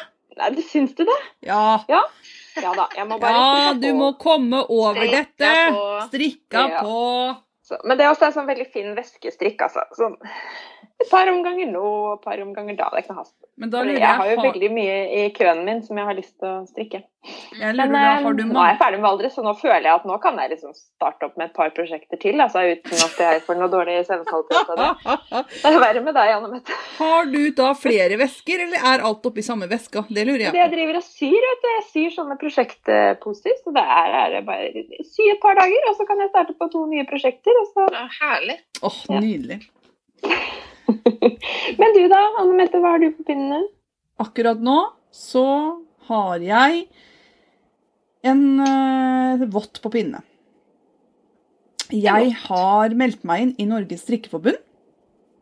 Og det oppfordrer jeg egentlig alle til å gjøre. For jeg tenker at hvis en organisasjon skal ha litt slagkraft, så må det være medlemmer der. Det koster 300 kroner i året, og da får du tilgang til På pinnen, tror jeg den heter, eller noe sånt. Ja, det gjør den. Som er et blad eller magasin, og der ligger det Det er skikkelig bra, det må jeg bare si. Overraska over kvaliteten på det bladet. Det ligger på nettet, så du får tilgang til alle dem som har vært tidligere også. Og man får da et drikkefellesskap, og det syns jeg er veldig bra. Det er jo Kristin, frøken K, er jo med i styret der, og hun Britt Strikkenerd lurer jeg på om er med der, og Janne Wie. Hva sa du, Britt strikkenerd? Ja, det er en podkast på Ja. YouTube. Ja. Jeg skal ikke si det, Margretes hobbykrop kanskje er med der. Det er veldig mange sånne ålreite damer der som er med. Så tenkte jeg at det her vil jeg òg være med på. Så jeg har meldt meg inn der, og nå er det en samstrikk som foregår med vottene med logoen til Norges Strikkeforbund på. Og det er på mange YouTube-kanaler, så disse vottene kan jeg legge inn både på Strikk på landet Hansgarn, Frøken K og Britt Strikkenerd. Ikke sant. Så Mm. nå blir det vottestrikk, og det er jo jeg veldig glad i, da. Med sånn vottestrikk. Det syns jeg er nydelig. Så jeg er ferdig med 20, 25% av en vott. Men jeg er litt sånn sløvete og tullete om dagen, så det, jeg har jo gjort en feil her òg. For jeg glemte å felte tommel, og det kom jeg på to omganger over der jeg egentlig skulle hatt det. Men så Oi, tenkte ja. jeg to omganger, det går fint. Og så strikka jeg videre. Og sånn har jeg vært litt i det siste. Når noen går gærent, så gidder jeg ikke ta opp. Så, men eh, jeg får bare huske på å gjøre den samme feilen på vått 2. Så kommer det til å gå helt fint. Men skriver du det inn noe sted når du holder på? Nei, men jeg ser det, og jeg vet det. Jeg husker jo den feilen. Ja. Det er ikke noe vanskelig. For jeg er litt sånn hvis jeg, hvis jeg strikker i en vått, og så noen ganger så tar det litt lang tid før jeg begynner med nestemann. Og da må jeg skrive ned hvis jeg har gjort endringer. Hvis ikke så Ja, men det er veldig lurt, men nå kommer jeg til å strikke ferdig disse voktene, og jeg strikker ikke så mange ting Ja. av gangen, jeg, vet du. Så det, Nei, det er akkurat det. Nei, dette kommer til å gå fint. Men det kan man jo gjøre f.eks. inn på Ravelry-kontoen sin òg. Altså man lager et prosjekt, så skriver man de tilpasningene man gjør underveis. Sånn Det er helt, det. der, Ravelry pleier jeg ofte å gjøre det på. Der pleier jeg å skrive Mm. hvis det er noe. Så det, det kan jeg jo gjøre. Det var kjempelurt, Camilla. Men i dette her eh, ting som har gått gærent, eh, i grunn, så har jeg jo prøvd meg på Sagavold-kofte fra kofteboken 2. Strikka i babygarn, babyull. Så pinne to og en halv, da. Oi, oi, oi. Oi. Og, for jeg liker det mønsteret så godt. Jeg syns det er et nydelig jakke. Jeg har sett noen som har den på. Og i sånn blå, mellomblå med hvitt. Og strikka på. Eh, kommer til hovedmønsteret. Det Ovenifra og ned mønster. Her er det feil i Mm. mønsteret, og det er ikke sånn litt feil, det er sånn 13 masker feil. For du ser at på, på bildet så er, da stemmer det, du som er så opptatt av symmetriellen, at mønsteret går opp. Mhm. ikke sant? At du har liksom én stolpe, og så har du mønster, og så passer det Ja. med mønster på andre sida igjen. Det gjør det absolutt ikke, og jeg teller masker og lurer på om jeg har hatt feil maskeantall, for det har jo stemt til nå da, i mønsteret, så det hadde ikke det. Jeg hadde riktig maskeantall, men det stemte ikke i det hele tatt. Eh, Så tenkte jeg ok, da får jeg bare fikse det her. Tar opp to omganger, feller de forbaskede seg- 13 maskene og kjører på med det store mønsteret. Strikker ferdig det store mønsteret, kommer på nedsiden, skal strikke videre, og der, da blir jo det feil. Mm. Så her håper jeg at det har blitt sendt ut en rettelse. Min bok er fra biblioteket, og der pleier gjerne sånne rettelser som blir sendt, de kan bli borte. Så jeg antar at dette har blitt retta opp. Hvis ikke så må de som har lagd den boka, se på Sagavold. For den er Jeg, jeg rakk opp. Jeg gadd ikke. Eh, Nei. For da hadde jeg regna om en gang og gjort om og var ganske irritert. Og så måtte jeg begynne på en ny runde nede der. Og selvfølgelig, da, jeg kunne regna om igjen, men jeg orka ikke. Så jeg rakk opp. Så den ga jeg opp. Ja. Det var noen dagers eh, strikking der. Og så skulle jeg strikke korontenevotter av Birger Berge. Jeg har ikke hørt om korontene. altså. Ja, korontene, ikke karantene, men korontene av Birger Berge. Ja. Nydelig designeren Birger Berge, som har en flott bok ute. Eh, strikka én vott. Eh, jeg var ganske pjusk når jeg strikka den votten, så det ble veldig mye å følge med på. Eh, så jeg, når jeg var ferdig med den votten, så var jeg ikke fornøyd, så da kasta jeg den votten og begynte på noe nytt. Så den gikk eh, rett vest, da. Ellen lurte på om jeg hadde gjort noe, liksom, hadde gjort noe rart i strikking noen gang. Jeg gjør noe rart hele tiden, Ellen. Ikke noe problem. Ikke farlig! Eh, Det gjør jeg. Men så, eh, på, ja, for en ukes tid siden, så la jeg opp til Goldfinch av Andrea Mavry. Andrea Mavry heter hun. Frøken K har en samstrikk gående med Mavry-strikk.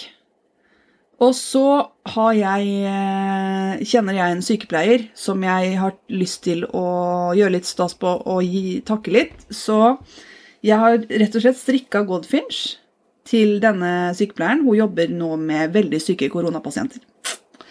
Så som takk for det, så tenkte jeg at jeg skulle strikke det, og det har jeg gjort. Og Ah. det var så gøy. Og det var helt Ja, var perfekt når man har strikka masse som bare har blitt tull og bull og dratt opp og rekt opp og kasta og sånn. Det var masse forkorta pinner. Det er nesten bare riller. Og det er et sånn um, mønster som er eh, Det er ett mønster som du må strikke vrangt tilbake, men det går så fort, for der er det forkorta pinner. Så det var kjempemoro. Og det ble veldig bra. Der brukte jeg garnet som jeg kjøpte av ho, um, Helgedatter Design. Så jeg hadde sånn gradient med masse forskjellige grønntoner. Sånn sjøgrønne. Ja, det var den. Mm. Mm. Yes, den. og så Der fulgte det egentlig med en mønster, men hun dama som skal få det her, hun er mer Jeg følte at hun trengte det mønsteret her. Så da ble det det mønsteret her til det garnet. Så får jeg heller strikke det andre sjalet en annen gang. Uh, for jeg kjenner henne litt, hun som skal ha det her. Så det har vært kjempemoro. Og så bra oppskrift, da. Makan. Så det var, det var kjempegøy. Så den har jeg nå blokka ferdig, og mm, veldig lett, flott sjal. Jeg ble veldig fornøyd med det. Det er sikkert en repetisjon også, men hvordan gjør du når du blokker, Anne Mette? Jeg har sånne blokkenåler, og jeg har sånne blokkevaiere. Så jeg stikker sånne blokkevaiere først, i liksom rundt kantene på sjalet.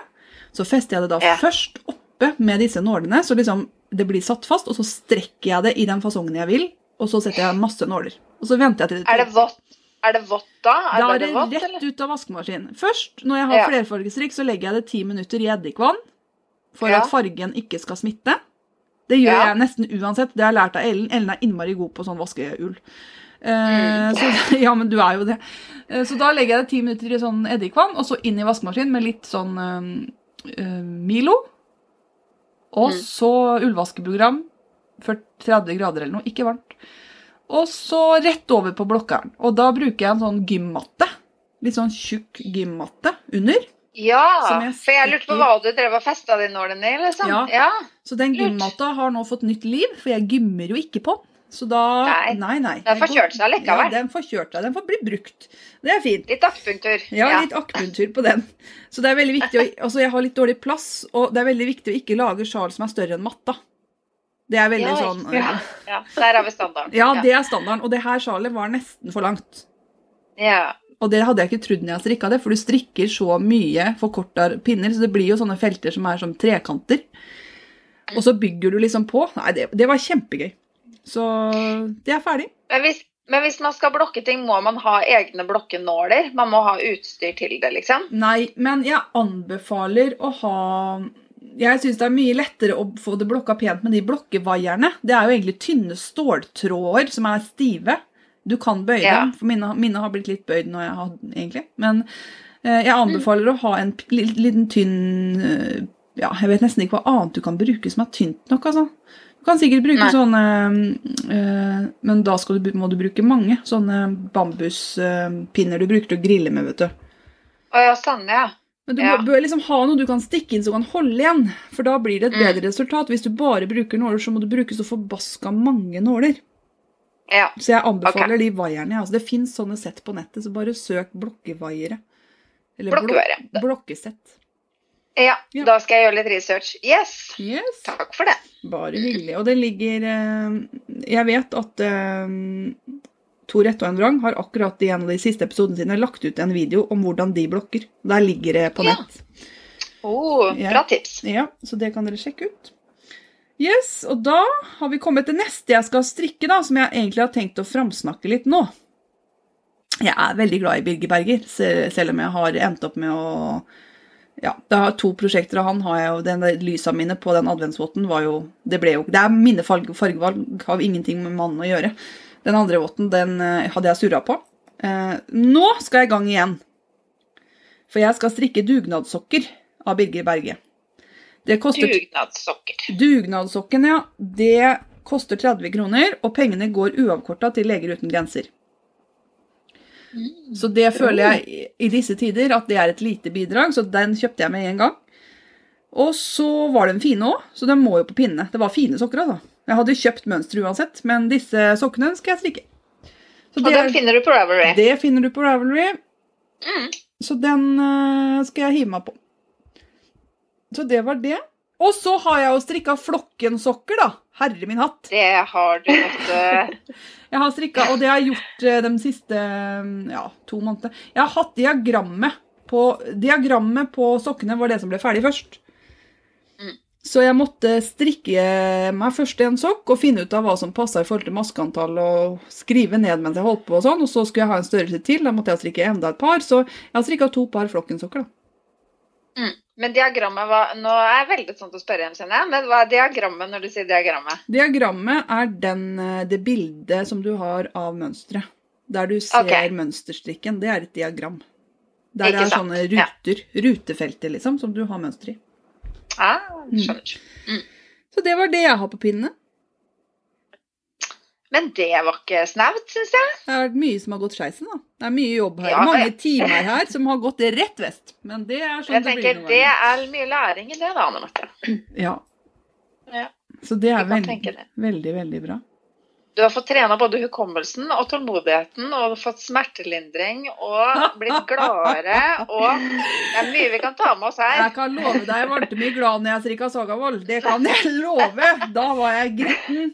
Og så Per Olav så det på meg. Er det noe som går gærent nå? Ja, sa jeg. Det her stemmer ikke! Og det er det verste jeg vet, altså. Fordi oppskrifter Det er derfor jeg håper min stemmer. fordi at når oppskriften er gitt ut, hvis man har, denne har jeg lånt på biblioteket, så jeg skal ikke klage så veldig høyt, men hvis man har brukt en del penger, en bok koster gjerne 200-300 kroner, minimum, så skal det stemme. Da skal det være Altså Jeg skjønner at alle kan gjøre feil, og sånn, men da, da må man sende ut rettelser. altså. Men det er jo ikke så lett å finne alle den som har kjøpt den boka. Så nei, jeg vet ikke. Jeg vil gjerne ha oppskrifter som stemmer, jeg. Ja. Ja. Men det er fint å gi tilbakemelding da, når man finner ting som ikke stemmer, så folk får mulighet til å rette opp. Ja, og jeg forstår så 100% godt at det kan komme inn feil i mønster. Så det handler ikke om det. Men jeg bare, da må vi få en rettelse, for det blir veldig tungvint når jeg Jeg var ikke helt i form, jeg var ganske pjusk og skulle sitte og strikke på pinne to og en halv, og ja, det gikk ikke. Det gikk ikke. Nei. Og så Nei. Ellen sier at jeg er vant til å måtte regne og sånn, og sånn, så det er ikke noe problem, det. Men når jeg må gjøre det flere ganger i løpet av, av 10 cm, da blir det litt for mye, altså. Det, Da mister man litt motivasjon. Motivasjon sank til bunns. Yes. Men flokkensokken, den stemmer altså. I hvert fall eh, det jeg har eh, klart å strikke meg til. Ja, for det Jeg som, har ikke funnet noe feil eh, i diagrammet der. ja, det som er veldig, veldig bra, at jeg har fått så flinke folk til å teststrikke for meg. Fordi når jeg strikker den, jeg vet jo hva jeg skal gjøre. Ikke sant? Det, Ja. det er veldig vanskelig å følge sitt eget mønster. Derfor så tror jeg teststrikking er veldig viktig. Ja. Jeg, jeg fikk jo en maske til overs, men det var fordi at jeg igjen da ikke hadde lest nøye nok, for der står det jo eh, fell. Eh, på, på small, medium, fell en maske. Å ja. Det skal, men det spiller ingen rolle. Det er én hvit maske imellom sauene, så det overlever jeg. Ja. Det er eh,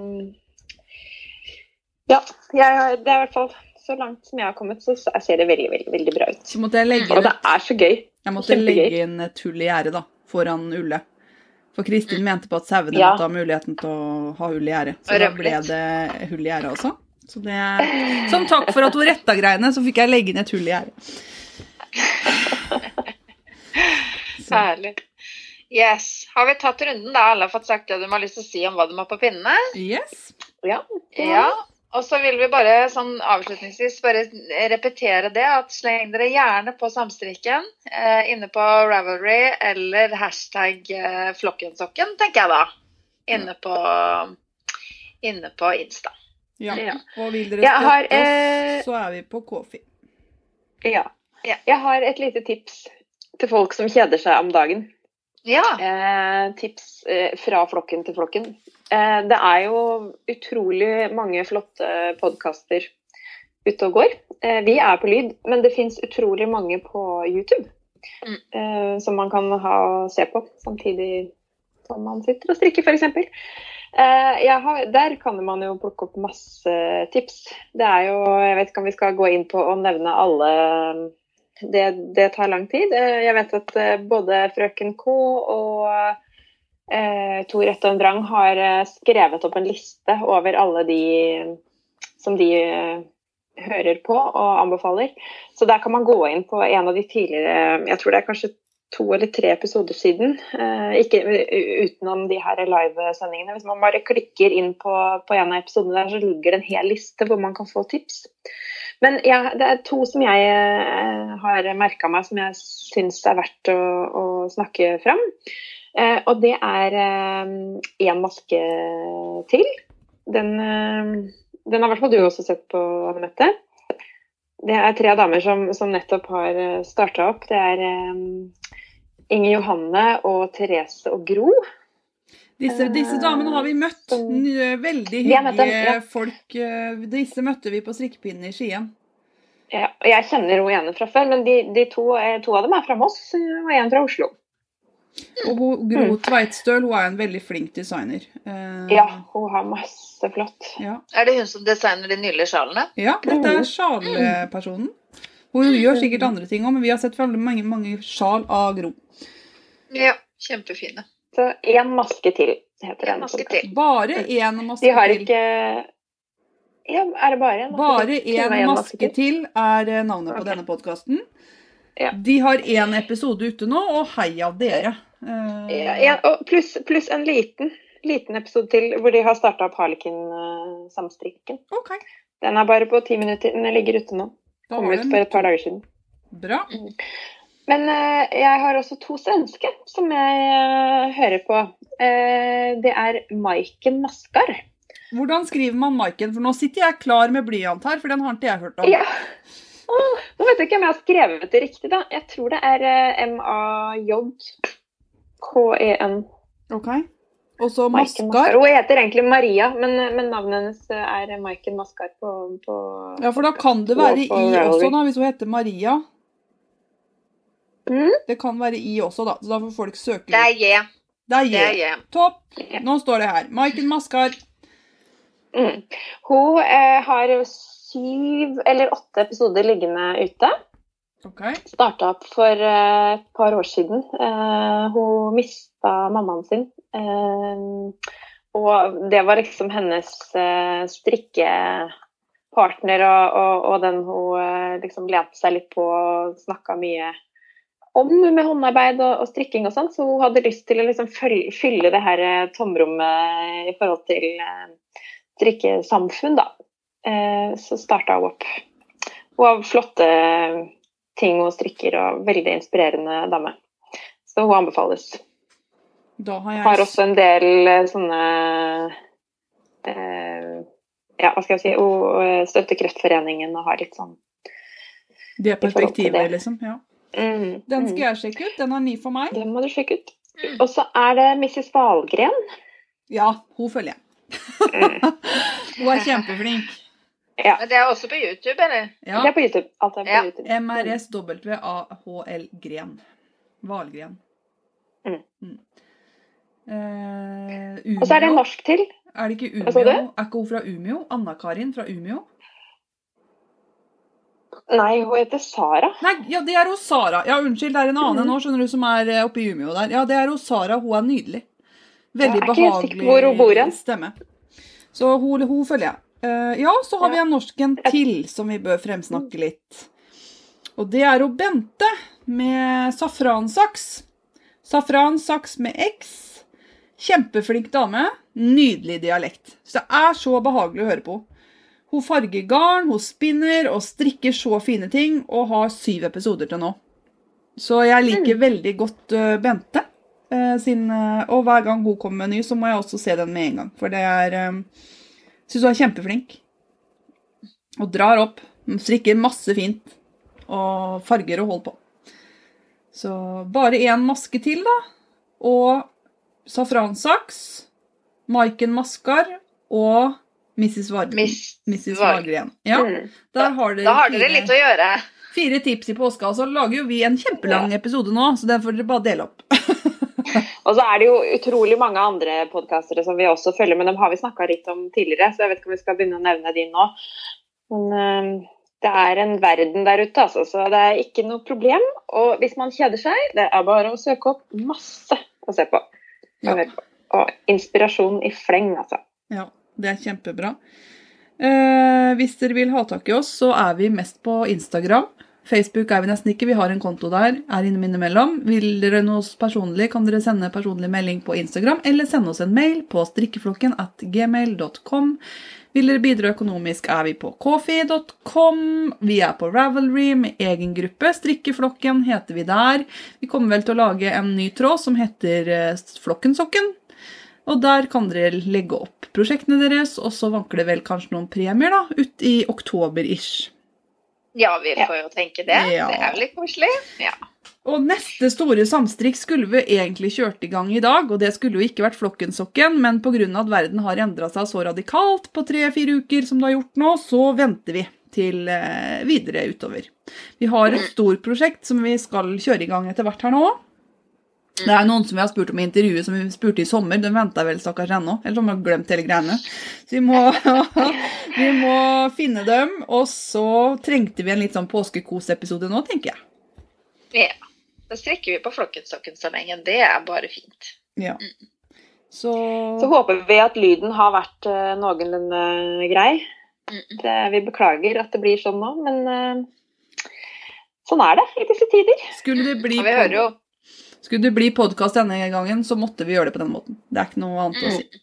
Mm. Mm. Vi hører jo mange andre podkaster, eller i hvert fall jeg har hørt på som jeg hører på audiopodkaster, som gjør det samme. Som har en som sitter i studio, og noen som ringer inn, så det blir litt sånn telefonlyd.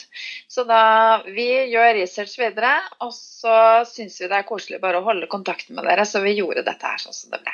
Ja. Så da må vi bare ønske alle en riktig god påske. Ta Mhm. vare på hverandre. Hør på helsemyndighetene. Mm. Det tror jeg de fleste gjør nå. Eh, håper det, altså. Og så håper vi dere får en fin påske, selv om alle må være hjemme, da. Eh, det er veldig fint å ha sånne videokonferanser som vi har hatt i det siste, jenter. Så det anbefaler jeg egentlig andre kan gjøre òg. At man kan ringe hverandre på sånn video. Kanskje ringe noen som man vet ikke har så mange som er i huset, for det kan kanskje bli litt ensomt nå når ikke de kan ta imot besøk, om de er gamle eller unge. Så vet noen som bor alene, så går hun og ringer går hun Gå inn og ringe med bilde og sitte og strikke sammen, faktisk. ja, eller Over- sette på en film Ja. samtidig og liksom se Vi må, Ja. være, litt, vi må være litt kreative nå. Mm. Det tenker jeg er viktig. Mm. Absolutt. Men frem til neste gang, da. Ja. Vi Vi strikkes!